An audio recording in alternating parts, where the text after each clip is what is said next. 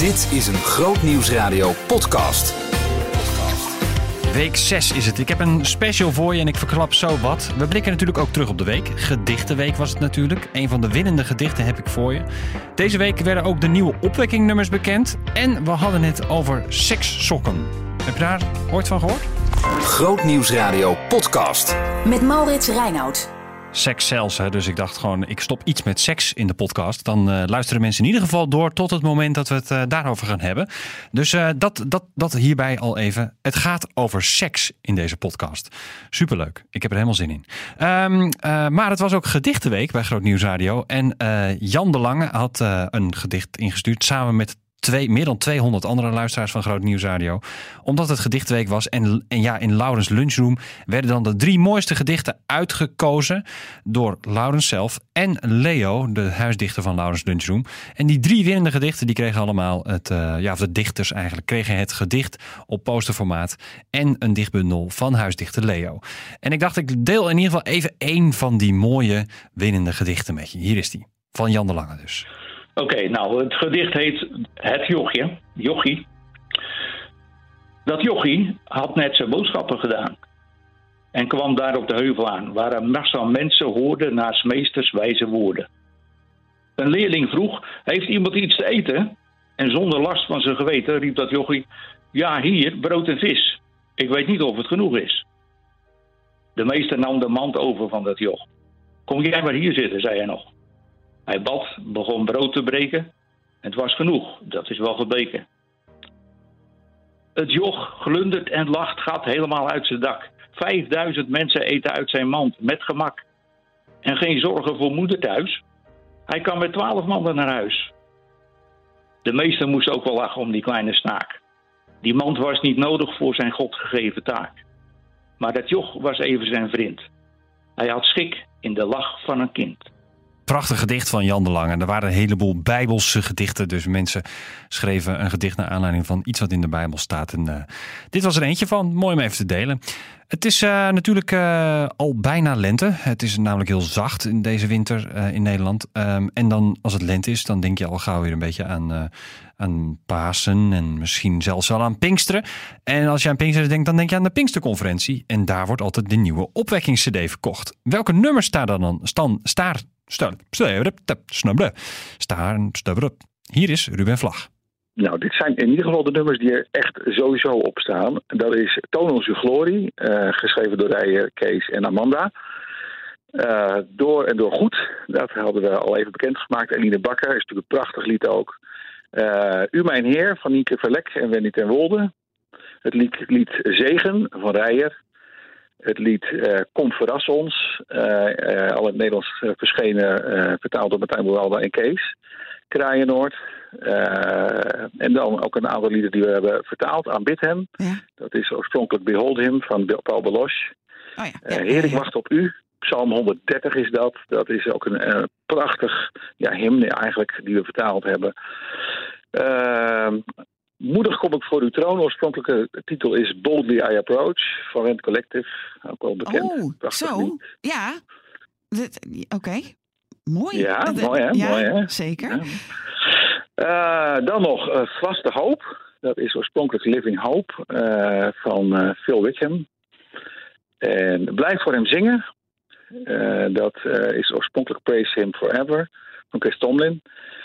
En dan Proef en Zie. Dat is Psalm 34 eh, in de tekst van Shane en Shane. Eh, en als laatste Doorgebed. En dat is oorspronkelijk As We Pray van Walker Beach. Ja, dat zijn ze dus. De nieuwe nummers van de opwekkings-cd. Je hoorde Ruben Vlag in De Nieuwe Morgen. Op uh, donderdagochtend was dat, kwart over acht. Um, en dan zou het nog even over seks hebben, hè? Ja, nou, hartstikke leuk. Het is namelijk Marriage Week. En dat is niet deze we week, dus de, de week van die we nu bespreken, week 6. Maar is eigenlijk week 7. Het begint op vrijdag. En het werkt zo toe naar Valentijnsdag, 14 februari.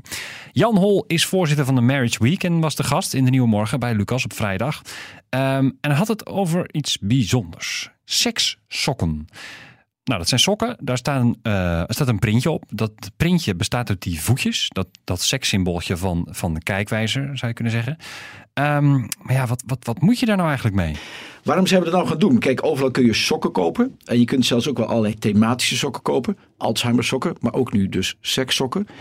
Dat is eigenlijk heel praktisch. We kwamen erop omdat de Universiteit van Groningen onderzoek deed naar de beleving door vrouwen van het liefdespel. Ja. En wat bleek dat als vrouwen koude voeten hadden, dat ze eigenlijk minder plezier beleefden aan seksualiteit. Oké, ja. Dat vonden ze opvallend. Toen gaven ze de deelnemende vrouwen sokken aan en vroegen opnieuw met hun partner te vrijen.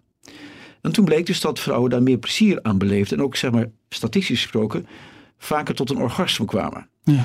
Wat bleek? Koude voeten blijken een relatie te hebben met ons brein. Als je met koude voeten vrijt, wordt eigenlijk je brein meer gestimuleerd om gevoelens van angst en onveiligheid te hebben. Dat zit in neurologische stoffen. Ik zal je de geheimen daarvan bewaren. Maar ja. het komt er eigenlijk op neer dat als je warme voeten hebt, voel je je veiliger. Ja. Nou, dat was eigenlijk voor ons het thema van, hé, hey, wacht even. Laten we die sokken dan laten maken met, mijn, met die kreet, mijn favoriete plaats is in jouw omhelzing. En laat ze niet alleen de sokken zijn die je kunt gebruiken als je wilt, maar laten ze het ook helpen om thuis het gesprek over seksualiteit en wat je daarna fijn vindt, wat je van je partner zou, zou willen, of willen ontvangen, of willen geven, te stimuleren. Eigenlijk is het gewoon een hele goede tip van Jan Hol. Gewoon voor Valentijn natuurlijk. Koop die sekssokken en dan kun je het er lekker over hebben. Of wat lekker doen. Dat kan natuurlijk ook. Grootnieuwsradio podcast. Met Maurits Reinoud. Misschien hoor je het wel in de dag van vandaag tussen 5 en 6 afgelopen vrijdag. Eh, maar misschien ook niet. En dan is het leuk, want dan zit je nu naar de podcast te luisteren en ga je een prachtig verhaal horen van Robin de Wever. Hij maakte met de EO een podcast over de Trump-stemmer. Misschien heb je ook wel eh, Thijs van der Brink gehoord in de Nieuwe Morgen over zijn eh, serie bij de NPO over de Trump-stemmer. God Jesus Trump heet die. Dit gaat dus over een podcastserie van Robin de Wever. Marien sprak uitgebreid met hem over hoe die podcast gemaakt is en met welke vraag Robin eigenlijk begon. Ik was in 2016 in Mississippi. Ik was toen aan het reizen door de, door de Bible Belt, eh, een reportagereis. En ehm, ik keek op televisie natuurlijk steeds naar Trump. Die was toen natuurlijk constant op televisie. Het was de aanloop naar de presidentsverkiezingen. En ehm, ik dacht, hey, misschien komt hij wel in de buurt hier zo ergens. Misschien komt hij wel ergens hier speechen. Ging kijken en ja, hij bleek gewoon op 2,5 uur van waar ik zat, bleek hij, eh, bleek hij te gaan speechen. Dus toen ben ik er, eigenlijk de volgende dag ben ik erheen gereden. En ehm, daar belandde ik in een stadion met allemaal mensen die rustig naar binnen liepen. Eh echtparen hand in hand. Nou, duidelijk zeg maar Bijbelbelt, christelijk publiek. Eh, een beetje een nunspeet vibe, zeg maar, daar. En, Oh, ja, ja, want, want die Bijbelbelt, hoe zit, dat, hoe zit dat daar een beetje? Is dat inderdaad net zoals Nederland over een soort strook dan, zeg maar? Of? Ja, ja, dat is de, de, ja, zo ongeveer in het, in het, in het, in het zuiden en in, het, in de Midwest. Dus ehm, eh, zo'n strook die zo ongeveer beneden door Amerika loopt. Eh, nou, Mississippi ligt daar middenin. En ik, ik was daar dus in Mississippi in die Bijbelbelt. Eh, allemaal keurige gezinnen en, en, en echtparen die daar naar binnen gingen bij Trump. Ehm, en iedereen was er binnen en toen ging het licht uit en toen begon iedereen eh, te schreeuwen eigenlijk. En toen was het Trump, Trump, Trump. En mensen begonnen te roepen eh, lock her up over Hillary Clinton, dat ze opgesloten moest worden. En toen dacht ik, jongens, ik ben in de Bijbelbelt, wat, wat is dit? Ehm, alleen toen heb ik er niks mee gedaan. En, en eigenlijk altijd wel zoiets gehouden van, ik wil er wel wat mee. En ehm, dus ik ben teruggegaan. Ik ehm, ben bij de EO gekomen met dit plan voor een podcast. En ehm, nou, we hebben zo wat dingen uitgetekend. En toen bleek ineens van... hey, bij de televisie zijn ze ook bezig met een plan voor een tv-serie. En zullen we anders samenwerken? Nou, dat hebben we gedaan. Ik heb ook meegewerkt aan de tv-serie... die gisteravond dus op tv was. God Jesus Trump. Ehm, en het idee was dus uiteindelijk om God Jesus Trump een tv-programma te maken... en eh, God's President de podcast. Dat heb jij gedaan. Hoe was het? Het was fascinerend. Ja, dit is de, het, het meest fascinerende project van mijn leven, volgens mij. Ik, ehm, ik, ik, ik ken evangelicals al heel lang. Ehm, ik ben, vroeger luisterde ik heel veel naar christelijke muziek. Dus nou, de muziek die jullie draaien, zeg maar. En, en, en dan heb je toch altijd, bouw je een soort van band op met, met die artiesten. En heb je het idee ook dat je op dezelfde golflengte zit. Want zij zingen dingen en jij begrijpt die. En eh, nou, daar voel je heel verband mee. Ehm, tot ik op een gegeven moment begon te ontdekken... dat Amerikaanse christenen toch vaak wel net wat anders zijn dan Nederlandse christenen. En toen... ehm, begon ik er ook een beetje over te verbazen. Die, die, dingen die ik dan uit Amerika hoorde komen, vond ik dan vaak wat hardvochtig. En dacht ik, wat, wat, wat apart dat je, dat je aan de ene kant heel softe muziek maakt... en aan de andere kant dan nou, wat van die hardvochtige dingen eh, roept en zo. Dus ik, wil, ik wilde weten hoe dat zat. En zeker toen ze massaal op Trump stemden, dacht ik, wat, wat is daar aan de hand? Dus Nou ja, toen wilde ik helemaal eh, daar langs. En even voor ons begrip, hè, evangelicals, dat is natuurlijk niet een Nederlandse term. Het is echt iets, iets typisch Amerikaans. Hoe je die, die, die dan een soort van duiden? Wat zijn dat, wat zijn dat voor christenen? Nou ja, een soort van eh groot nieuwsradio-luisteraars, maar dan Amerikaans. Ja, eh, eigenlijk wel. Ehm, is het dan dus een beetje, want wij hebben evangelische luisteraars, reformatorische luisteraars, eh, gereformeerde luisteraars, zeg maar. Waar zit het dan ergens? Nou, interessant dat je dat zegt, want eigenlijk evangelicals is dat ook allemaal. Dus een verzamelterm voor inderdaad gereformeerde, heel veel baptisten. Eh, nou, evangelisch, Pinkster. Ehm, en wat zij delen, het is natuurlijk een heel divers gezelschap. Ehm, maar wat zij delen is de, ehm, dat ze conservatief zijn in eh, geloofsopvattingen, maar ook in politieke opvattingen dus. Dat ze ehm, wit zijn, want eh, zwarte evangelicals zijn vaak links. Ehm, dus we hebben het over witte evangelicals. Eh, dat delen ze.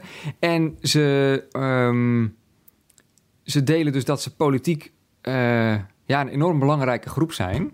Ehm, en, en even belangrijk om te zeggen, mensen hebben vaak, merk ik in Nederland, moeilijk om daar een beeld bij te hebben.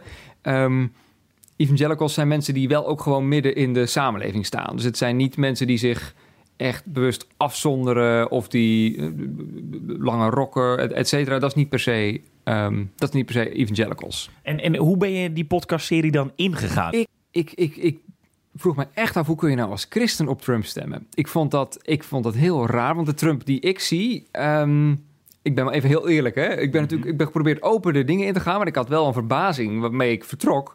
van hoe kun je nou iemand stemmen die... kijk, dat je, dat die, dat je conservatief bent, snap ik helemaal...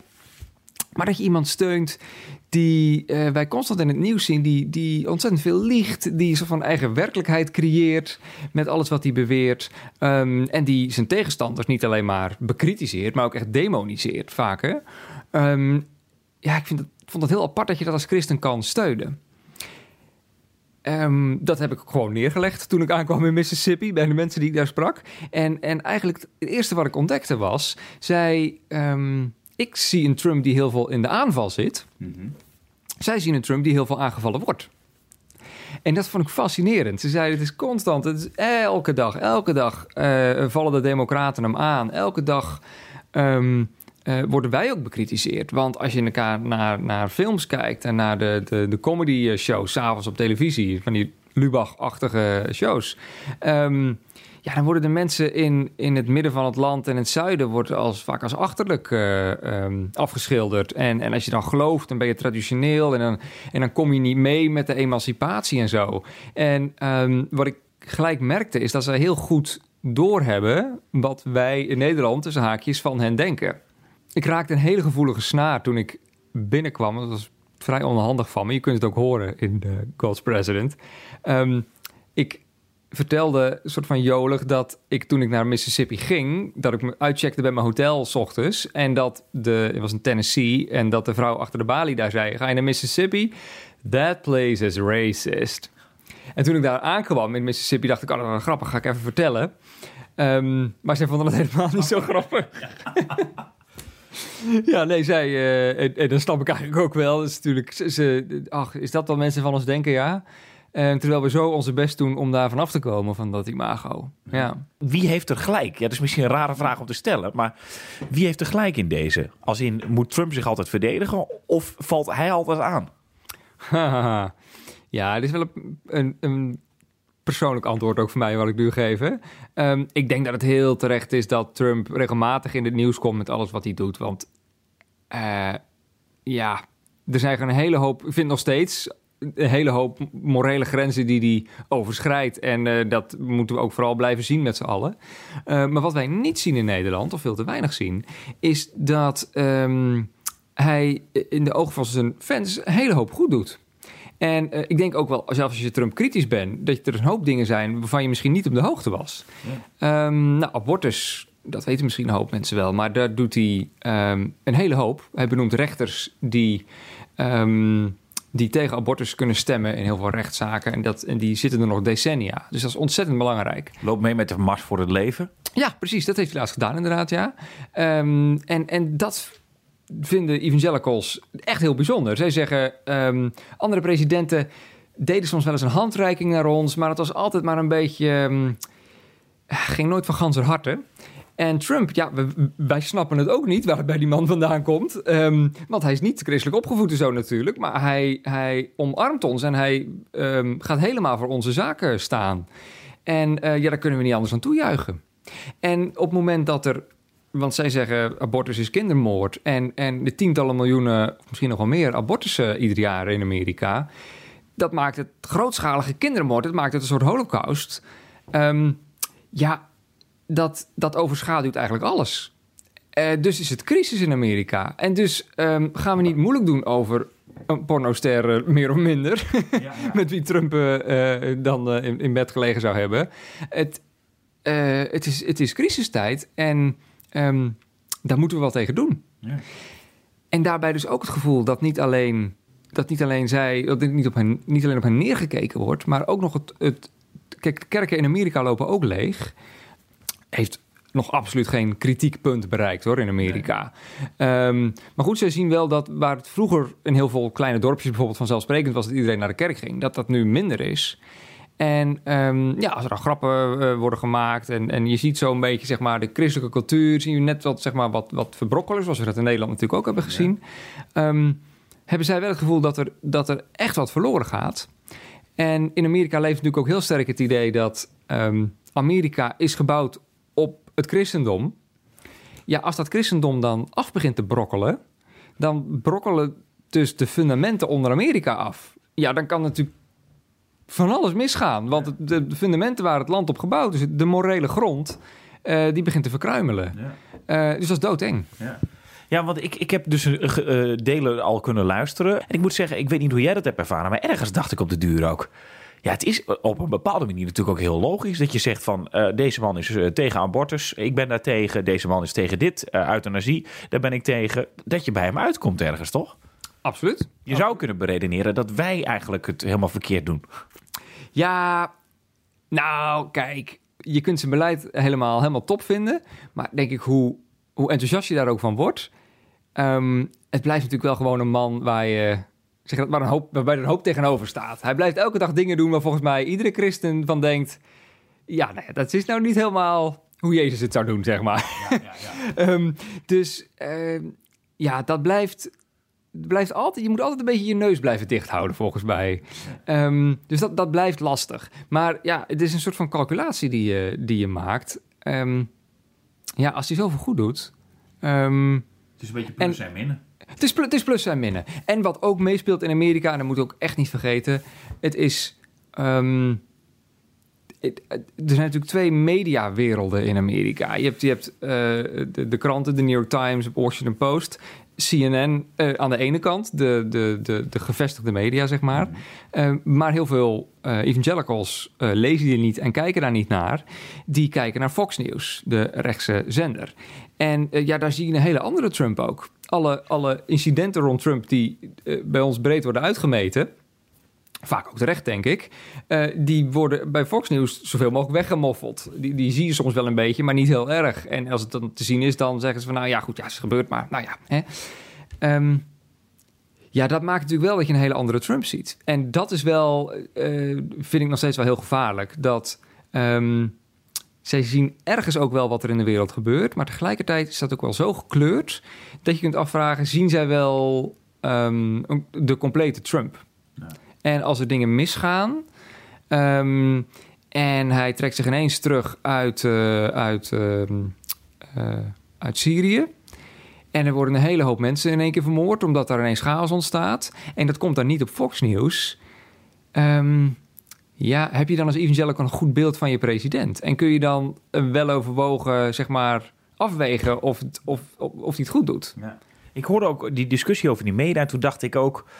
Het, wordt, het wordt ook bijna een beetje opbieden tegen elkaar. De ene vertelt niet alles, de ander wordt misschien altijd heel, heel negatief, zeg maar. En dat het dus elkaar in, in negatieve zin een beetje versterkt. Heb jij, eh, heb jij dat gevoel ook daar? Ja, en dat is wel zorgelijk. Kijk, één ding eh, is heel duidelijk. Bij- Bij Fox News is opinie vaak belangrijker dan, dan de feiten.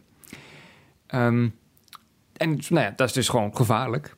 Ehm, ik, de kranten eh, eh, eh, proberen dat beter te doen. Maar ik vind dat je ook in, in, bij Amerikaanse kranten en bij CNN wel ziet... ehm, de journalisten zijn vaak links. En het is in Amerika ook gewoon wat gebruikelijker om dat te laten zien. Om als krant duidelijk een kleur te hebben. En eh, nou, op zich niks mis mee. Ik bedoel, Reformatorisch Dagblad heeft ook een kleur. Maar ehm, het verwijt dat, dat de media daar, de, de gevestigde media daar wat linkser zijn, is niet helemaal onterecht. Nee. Vraag is of je dan helemaal naar de andere kant moet doorslaan natuurlijk. Maar het feit is wel dat het midden vaak ook wel moeilijk te zoeken is daar. Ja. Ja. Ik heb eh, een deel dus van die serie geluisterd. Ik vind vooral eigenlijk mooi die verhalen die je van mensen hoort natuurlijk. Welke verhalen zijn jou nou bijgebleven waarvan je denkt, nou, dat zou ik nooit meer vergeten? Nou, wat ik heel bijzonder vond was, was toen in aflevering 2 van Calls President, staat nu al online. Eh, ik- toen ik in Mississippi aankwam eigenlijk gelijk, het, het, het gevoel dat zij dus zo belaagd worden. En eh, ja, dat eh, vond ik heftig om te zien. Had ik niet, zo, had ik niet door vanuit Nederland. Ehm, ja, en vanaf daar viel ik eigenlijk van de ene verbazing in de andere. Uh, belandde bij een burgemeester die, die niet alleen zei... Trump doet het ontzettend goed, maar die zei ook... he's a strong Christian. Zij zei, je ziet hem bidden met allerlei pastors. Hij, hij roept op tot gebed. En, en geloof mag weer in Amerika. Eh, het mocht altijd al, alle eh, eh, presidenten lieten voor zich bidden. Maar ehm, ze hadden toch prominent misschien. niet zo prominent, precies. En ze hadden toch wel het gevoel dat het een beetje in het verdomhoekje zat. En daar is het nu wel weer uit, naar een gevoel. En ehm, ja, er is iets aan het groeien in die man. En hij was links en hij was voor abortus. En nu ineens is hij rechts. En nu ineens is hij tegen abortus. Wat is er aan de hand met de president? Want eh, eh, misschien is God wel grote dingen met hem aan het doen. En ik vond het heel interessant om die calculatie ook te zien. En, maar als iemand dan zegt...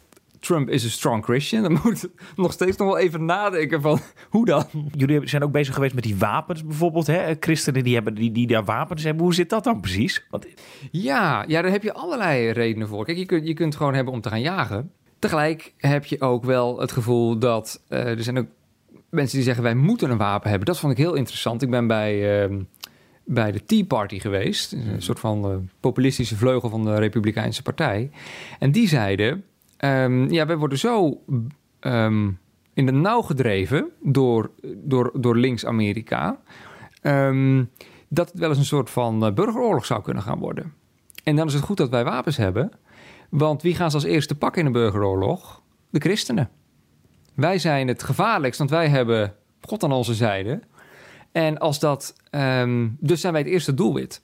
En dus is het heel goed dat wij wapens hebben, want anders worden we als, als schapen afgeknald. Toen zat ik wel even het, met mijn oren te klapperen, ja. Ja. ja. nou hebben we hier in Nederland natuurlijk te maken met polarisatie. Als, je, als ik dit zo hoor, dan denk ik, het is daar erger misschien, of niet? Ja, absoluut. Absoluut. Het is, ik wilde zeggen hopeloos, maar eh, ik houd hoop. Maar het is, het is wel echt eh, heel beroerd gesteld eigenlijk in Amerika. Ja, Ehm, ja komt, door, komt door beide kanten ook, denk ik. Maar ehm, ja, het begrip voor, voor de ander is totaal weg. En wat ik heel interessant vond om te zien, is als je daar dan naartoe gaat...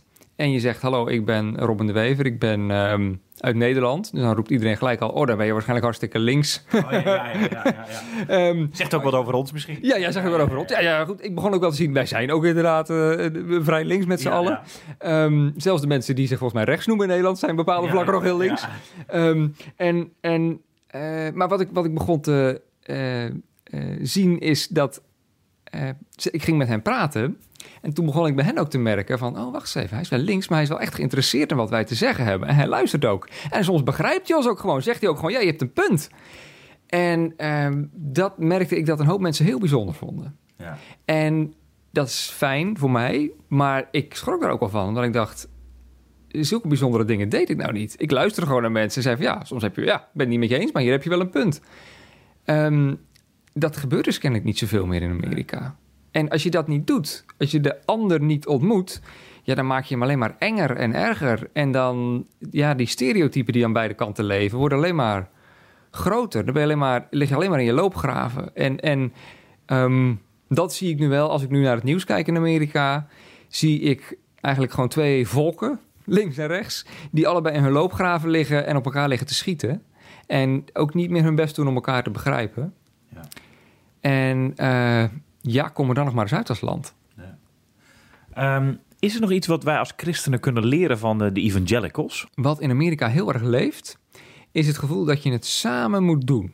Niet in de steden, maar vooral in de kleinere eh, gemeenschappen en ook in de kerken. Ehm, community, eh, gemeenschappen kweken en, en op elkaar kunnen terugvallen.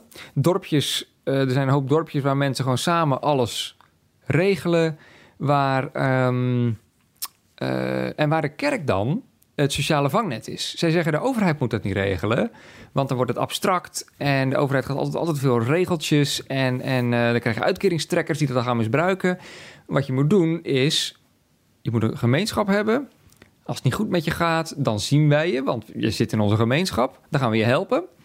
En ehm daar houden wij in de gaten. En zo samen zetten we de schouders eronder. Is natuurlijk een prachtig ideaal. En dat zijn wij in Nederland ook wel kwijtgeraakt. Want ook in Nederland ehm, is alles natuurlijk zo individueel en anoniem... dat, eh, ja, dat je makkelijk in eenzaamheid of in, eh, in, in, in ja, alleen kan lijden.